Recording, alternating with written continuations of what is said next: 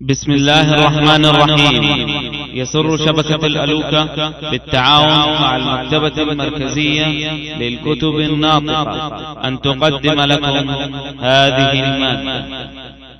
تفسير سورة البقرة لابن كثير. نواصل قراءة تفسير قوله تعالى يسألونك عن الشهر الحرام قتال فيه قل قتال فيه كبير. الآية. وذلك أن رسول الله صلى الله عليه وسلم بعث سرية وكانوا سبعة نفر عليهم عبد الله بن جحش الأسدي وفيهم عمار بن ياسر وأبو حذيفة بن عتبة بن ربيعة وسعد بن أبي وقاص وعتبة بن غزوان السلمي وحليف لبني نوفل وسهيل بن بيضاء وعامر بن فهيرة وواقد بن عبد الله اليربوعي حليف لعمر بن الخطاب وكتب لابن جحش كتابا وأمره ألا يقرأه حتى ينزل بطن نخلة. فلما نزل بطن نخلة فتح الكتاب فإذا فيه أنسر حتى تنزل بطن نخلة. فقال لأصحابه من كان يريد الموت فليمض وليوصي فإنني موص وماض لأمر رسول الله صلى الله عليه وسلم. فسار فتخلف عنه سعد بن أبي وقاص وعتبة أضلا راحلة لهما فتخلفا يطلبانها. وسار ابن جحش إلى بطن نخلة فإذا هو بالحكم بن كيسان وعثمان بن عبد الله بن المغيرة وانفلت وقتل عمرو قتله واقد بن عبد الله فكانت أولى غنيمة غنمها أصحاب رسول الله صلى الله عليه وسلم. فلما رجعوا إلى المدينة بأسيرين وما أصابوا من المال أراد أهل مكة أن يفادوا الأسيرين عليه المشركون وقالوا إن محمدا يزعم أنه يتبع طاعة الله وهو أول من استحل الشهر الحرام وقتل صاحبنا في رجب. فقال المسلمون إنما قتلناه في جمادة وقتل في أول ليلة من رجب وآخر ليلة من جمادة وغمد المسلمون سيوفهم حين دخل شهر رجب وأنزل الله يعير أهل مكة يسألونك عن الشهر الحرام قتال فيه قل قتال فيه كبير لا يحل. وما صنعتم أنتم يا معشر المشركين أكبر من القتل في الشهر الحرام. حين كفرتم بالله وصددتم عن محمد صلى الله عليه وسلم وأصحابه وإخراج أهل المسجد الحرام منه حين أخرجوا محمدا صلى الله عليه وسلم وأصحابه أكبر من القتل عند الله. وقال العوفي عن ابن عباس يسألونك عن الشهر الحرام قتال فيه قل قتال فيه كبير. وذلك أن المشركين صدوا رسول الله صلى الله عليه وسلم وردوه عن المسجد في شهر حرام. قال ففتح الله على نبيه في شهر حرام من العام المقبل فعاب المشركون على رسول الله صلى الله عليه وسلم القتال في شهر في شهر حرام. فقال الله وصد عن سبيل الله وكفر به والمسجد الحرام وإخراج أهله منه أكبر عند الله من القتال فيه وأن محمدا صلى الله عليه وسلم بعث سرية فلقوا عمرو بن الحضرمي وهو مقبل من الطائف في آخر ليلة من جمادة وأول ليلة من رجب. وأن أصحاب محمد صلى الله عليه وسلم كانوا يظنون أن تلك الليلة من جمادة وكانت أول رجب ولم يشعروا فقتله رجل منهم وأخذوا ما كان معه. وأن المشركين أرسلوا يعيرونه بذلك. فقال الله تعالى يسألونك عن الشهر الحرام قتال فيه قل قتال فيه كبير وصد عن سبيل الله وكفر به والمسجد الحرام وإخراج أهله منه. إخراج أهل المسجد الحرام أكبر من الذي أصاب أصحاب محمد صلى الله عليه وسلم والشرك أشد منه. وهكذا روى أبو سعيد البقال عن عكرمة عن ابن عباس أنها نزلت في سرية عبد الله بن جحش وقتل عمرو بن الحضرمي وقال محمد بن إسحاق حدثني محمد بن السائب الكلبي عن أبي صالح عن ابن عباس قال نزل فيما كان من مصاب عمرو بن الحضرمي يسألونك عن الشهر الحرام قتال فيه إلى آخر الآية. وقال عبد الملك بن هشام راوي السيرة عن زياد بن عبد الله البكائي عن محمد بن إسحاق بن يسار المدني رحمه الله في كتاب السيرة له أنه قال وبعث رسول الله صلى الله عليه وسلم عبد الله بن جحش ابن رباب الأسدي في رجب مقفله من بدر الأولى وبعث معه ثمانية رهط من المهاجرين ليس فيهم من الأنصار أحد. وكتب له كتابا وأمره ألا ينظر فيه حتى يسير يومين ثم ينظر فيه فيمضي كما أمره به ولا يستكره من أصحابه أحدا. وكان أصحاب عبد الله بن جحش من المهاجرين ثم من بني عبد شمس بن عبد مناف أبو حذيفة ابن عتبة ابن ربيعة ابن عبد شمس ابن عبد مناف ومن حلفائهم عبد الله بن جحش وهو أمير القوم وعكاشة ابن محصن أحد بني أسد بن خزيمة حليف لهم ومن بني نوفل ابن عبد مناف عتبة بن غزوان بن جابر حليف لهم ومن بني زهرة ابن كلاب سعد بن أبي وقاص ومن بني كعب عدي بن عامر ابن ربيعة حليف لهم من غير ابن وائل وواقد بن عبد الله ابن عبد مناف ابن عرس ابن ثعلبة ابن يربوع أحد بني تميم حليف لهم وخالد ابن البكير أحد بني سعد بن ليث حليف لهم ومن بني الحارث ابن فهد سهيل بن بيضاء فلما سار عبد الله بن جحش يومين فتح الكتاب فنظر فإذا فيه إذا نظرت في كتابي في هذا فامض حتى تنزل نخلة بين مكة والطائف ترصد بها قريشا وتعلم لنا من أخبارهم. فلما نظر عبد الله بن جحش الكتاب قال سمعا وطاعة.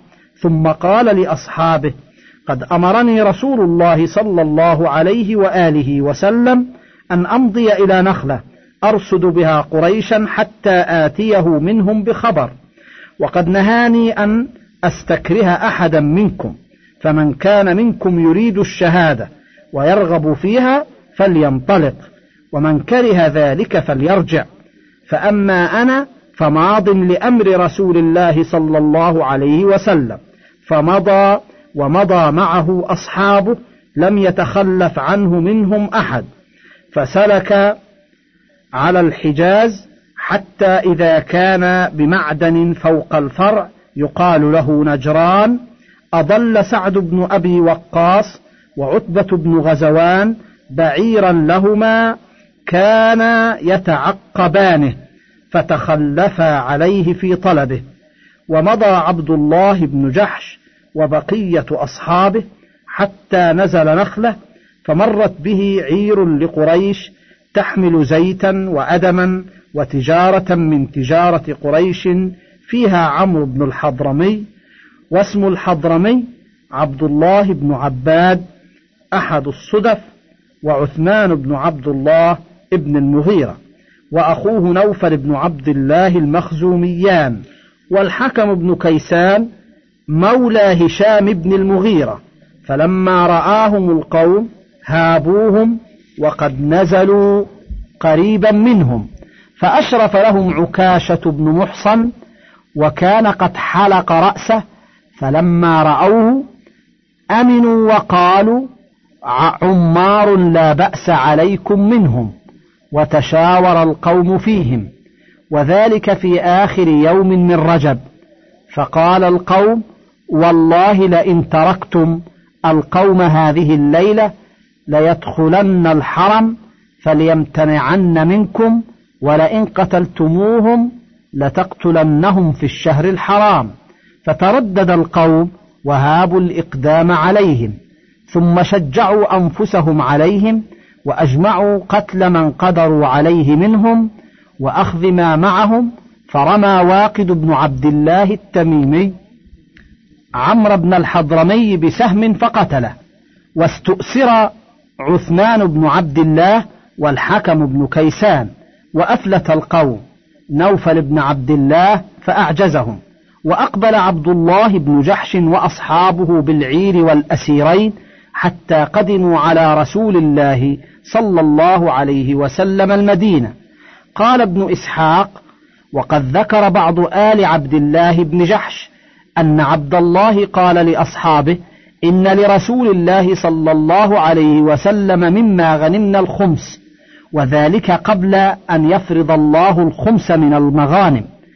فعزل لرسول الله صلى الله عليه وسلم خمس العير وقسم سائرها بين أصحابه. قال ابن إسحاق فلما قدموا على رسول الله صلى الله عليه وسلم قال ما أمرتكم بقتال في الشهر الحرام. فوقف فوقف العير والأسيرين وأبى أن يأخذ من ذلك شيئا.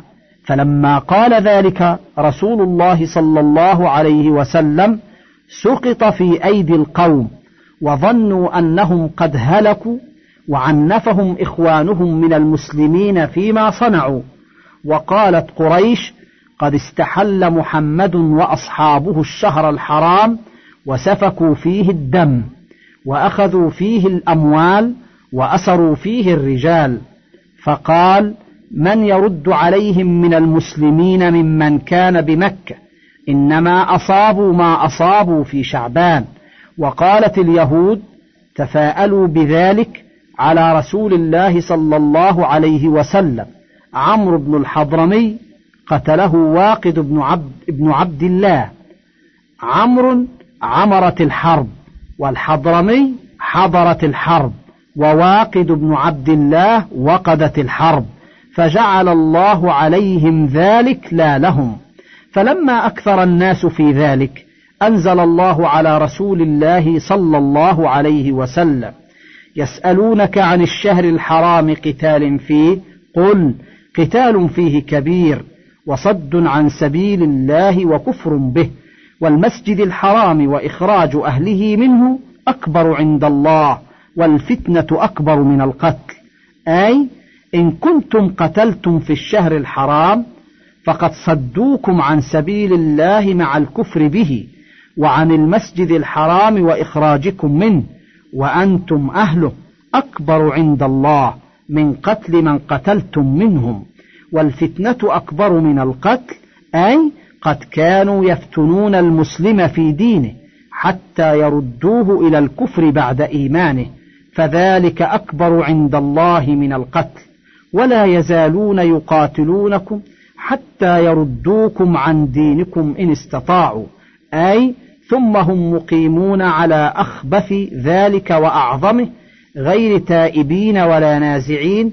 قال ابن إسحاق فلما نزل القرآن بهذا من الأمر وفرج الله عن المسلمين ما كانوا فيه من الشدة قبض رسول الله صلى الله عليه وآله وسلم العير والأسيرين وبعثت إليه قريش في فداء عثمان بن عبد الله والحكم بن كيسان فقال رسول الله صلى الله عليه وسلم لا نفديكموهما حتى يقدم صاحبانا يعني سعد بن أبي وقاص وعتبة بن غزوان. فإنا نخشاكم عليهما فإن تقتلوهما نقتل صاحبكم. فقدم سعد وعتبة ففداهما رسول الله صلى الله عليه وسلم منهم. فأما الحكم بن كيسان فأسلم وحسن إسلامه وأقام عند رسول الله صلى الله عليه وسلم حتى قتل يوم بئر معونة شهيدا. وأما عثمان بن عبد الله فلحق بمكة فمات بها كافرا. قال ابن إسحاق فلما تجلى عن عبد الله بن جحش وأصحابه ما كان حين نزل القرآن طمعوا في الأجر فقالوا يا رسول الله أنطمع أن تكون لنا غزوة نعطى فيها أجر المجاهدين؟ فأنزل الله عز وجل إن الذين آمنوا والذين هاجروا وجاهدوا في سبيل الله أولئك يرجون رحمة الله والله غفور رحيم. فوضع الله من ذلك على أعظم الرجاء. قال ابن إسحاق والحديث في هذا عن الزهري ويزيد بن رومان عن عروة وقد روى يونس ابن بكير عن محمد بن إسحاق عن يزيد بن رومان عن عروة بن الزبير قريبا من هذا السياق. وروى موسى بن عقبة عن الزهري نفسه نحو ذلك. وروى شعيب بن أبي حمزة عن الزهري عن عروة بن الزبير نحوا من هذا أيضا. وفيه فكان ابن الحضرمي أول قتيل قتل بين المسلمين والمشركين فركب وفد من كفار قريش حتى قدموا على رسول الله صلى الله عليه وسلم بالمدينة فقالوا أيحل القتال في الشهر الحرام؟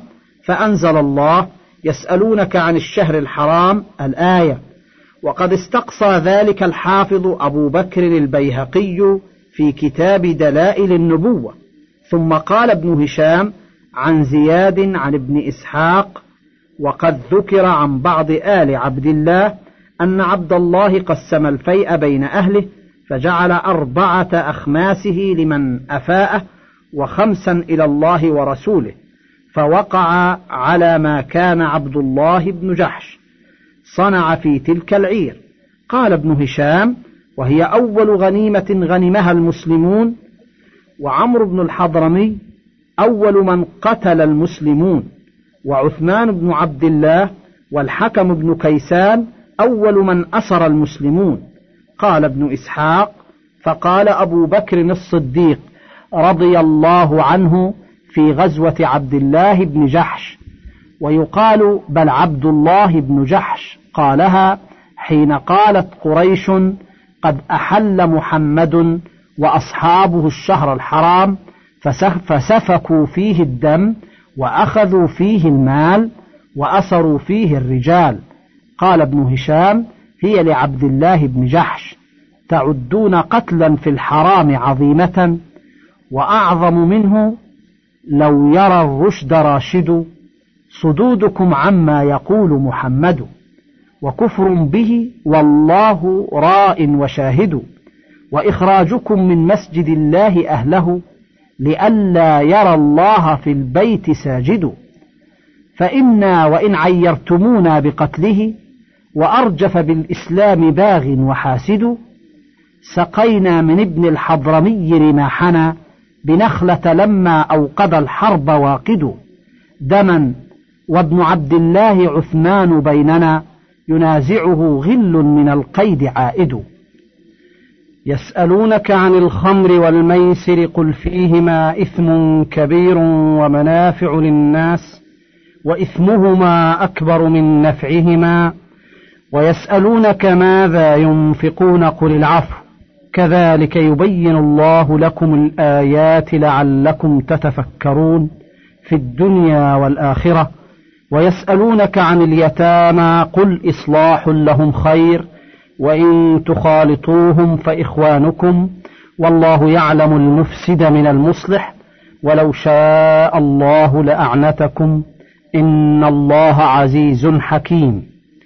قال الإمام أحمد حدثنا خلف بن الوليد حدثنا إسرائيل عن أبي إسحاق عن أبي ميسرة عن عمر أنه قال لما نزل تحريم الخمر قال اللهم بين لنا في الخمر بيانا شافيا.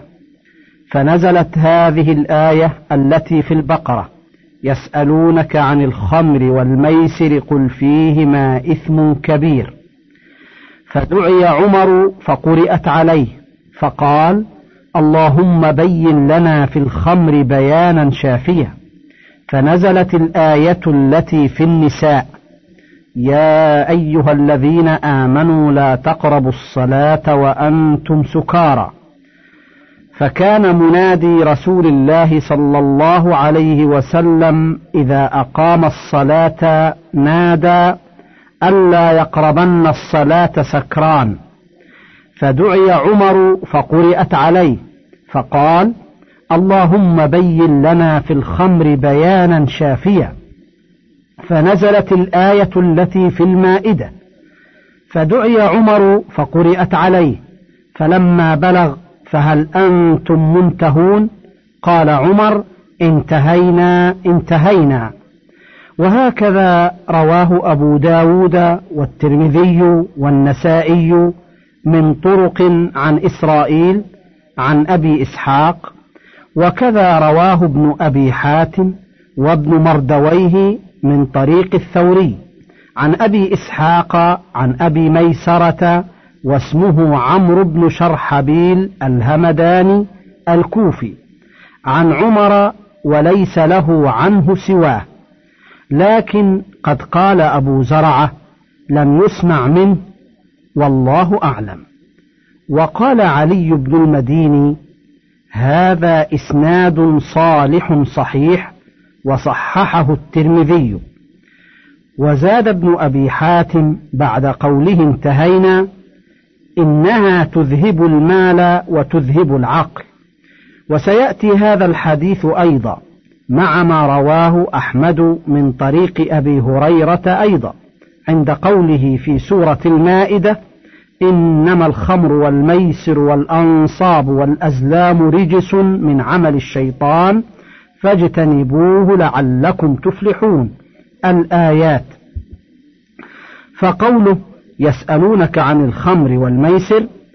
أما الخمر فكما قال أمير المؤمنين عمر بن الخطاب رضي الله عنه إنه كل ما خامر العقل كما سيأتي بيانه في سورة المائدة. وكذا الميسر وهو القمار. وقوله قل فيهما إثم كبير ومنافع للناس أما إثمهما فهو في الدين وأما المنافع فدنيوية من حيث إن فيها نفع البدن وتهضيم الطعام وإخراج الفضلات وتشحيذ بعض الأذهان ولذة الشدة المطربة التي فيها كما قال حسان بن ثابت في جاهليته ونشربها فتتركنا ملوكا وأسدا لا ينهنهنا اللقاء. وكذا بيعها والانتفاع بثمنها. وما كان يقمشه بعضهم من الميسر فينفقه على نفسه أو عياله. ولكن هذه المصالح لا توازي مضرته ومفسدته الراجحة. لتعلقها بالعقل والدين. ولهذا قال الله تعالى وإثمهما أكبر من نفعهما ولهذا كانت هذه الآية ممهدة لتحريم الخمر على البتات ولم تكن مصرحة بل معرضة. ولهذا قال عمر رضي الله عنه لما قرئت عليه اللهم بين لنا في الخمر بيانا شافيا حتى نزل التصريح بتحريمها في سورة المائدة. يا أيها الذين آمنوا إنما الخمر والميسر والأنصاب والأزلام رجس من عمل الشيطان فاجتنبوه لعلكم تفلحون. إنما يريد الشيطان أن يوقع بينكم العداوة والبغضاء في الخمر والميسر ويصدكم عن ذكر الله وعن الصلاة فهل أنتم منتهون؟ وسيأتي الكلام على ذلك في سورة المائدة إن شاء الله تعالى وبه الثقة.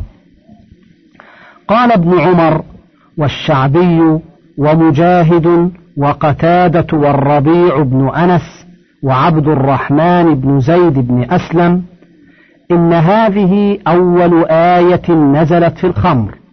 يسألونك عن الخمر والميسر قل فيهما إثم كبير. ثم نزلت الآية التي في سورة النساء. ثم نزلت الآية التي في المائدة فحرمت الخمر.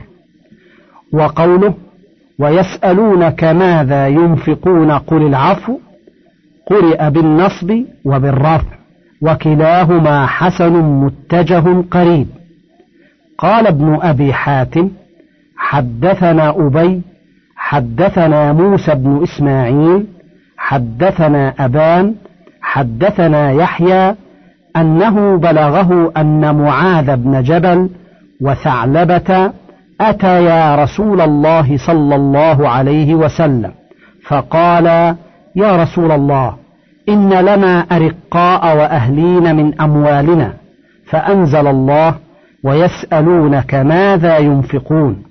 وقال الحكم عن مقسم عن ابن عباس ويسألونك ماذا ينفقون قل العفو قال ما يفضل عن أهلك.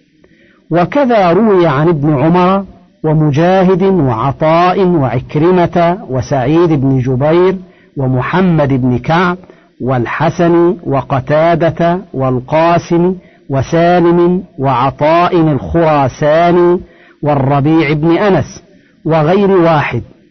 أنهم قالوا في قوله قل العفو يعني الفضل.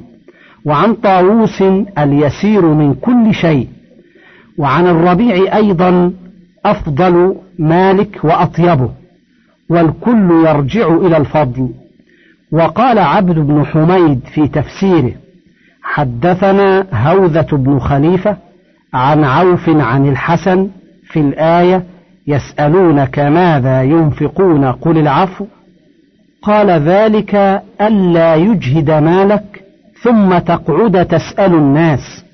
ويدل على ذلك ما رواه ابن جرير حدثنا علي بن مسلم حدثنا أبو عاصم عن ابن عجلان عن المقبري عن أبي هريرة قال قال رجل يا رسول الله عندي دينار قال أنفقه على نفسك قال عندي آخر قال أنفقه على أهلك قال عندي آخر قال أنفقه على ولدك قال عندي آخر قال فأنت أبصر.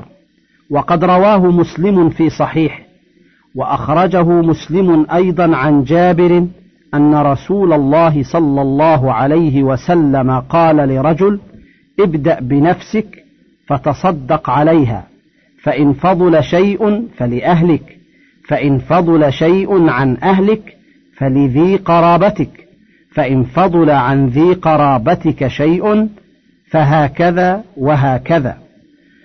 وعنده عن أبي هريرة رضي الله عنه قال قال رسول الله صلى الله عليه وسلم خير الصدقة ما كان عن ظهر غنى واليد العليا خير من اليد السفلى وابدأ بمن تعول. وفي الحديث أيضا ابن آدم إنك أن تبذل الفضل خير لك وأن تمسكه شر لك ولا تلام على كفاف.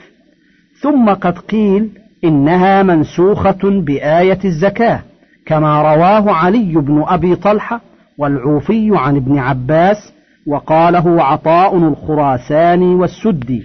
وقيل مبينة بآية الزكاة قاله مجاهد وغيره وهو أوجه. وقوله كذلك يبين الله لكم الآيات لعلكم تتفكرون في الدنيا والآخرة أي كما فصل لكم هذه الأحكام وبينها وأوضحها كذلك يبين لكم سائر الآيات في أحكامه ووعده ووعيده. لعلكم تتفكرون في الدنيا والآخرة. قال علي بن أبي طلحة عن ابن عباس يعني في زوال الدنيا وفنائها وإقبال الآخرة وبقائها. وقال ابن أبي حاتم حدثنا أبي حدثنا علي بن محمد الطنافسي حدثنا أبو أسامة عن الصعق التميمي قال شهدت الحسن وقرأ هذه الآية من البقرة لعلكم تتفكرون في الدنيا والآخرة. قال هي والله لمن تفكر فيها لا يعلم أن الدنيا دار بلاء ثم دار فناء ولا يعلم أن الآخرة دار جزاء ثم دار بقاء. وهكذا قال قتادة وابن جريج وغيرهما. من فضلك تابع بقية المادة.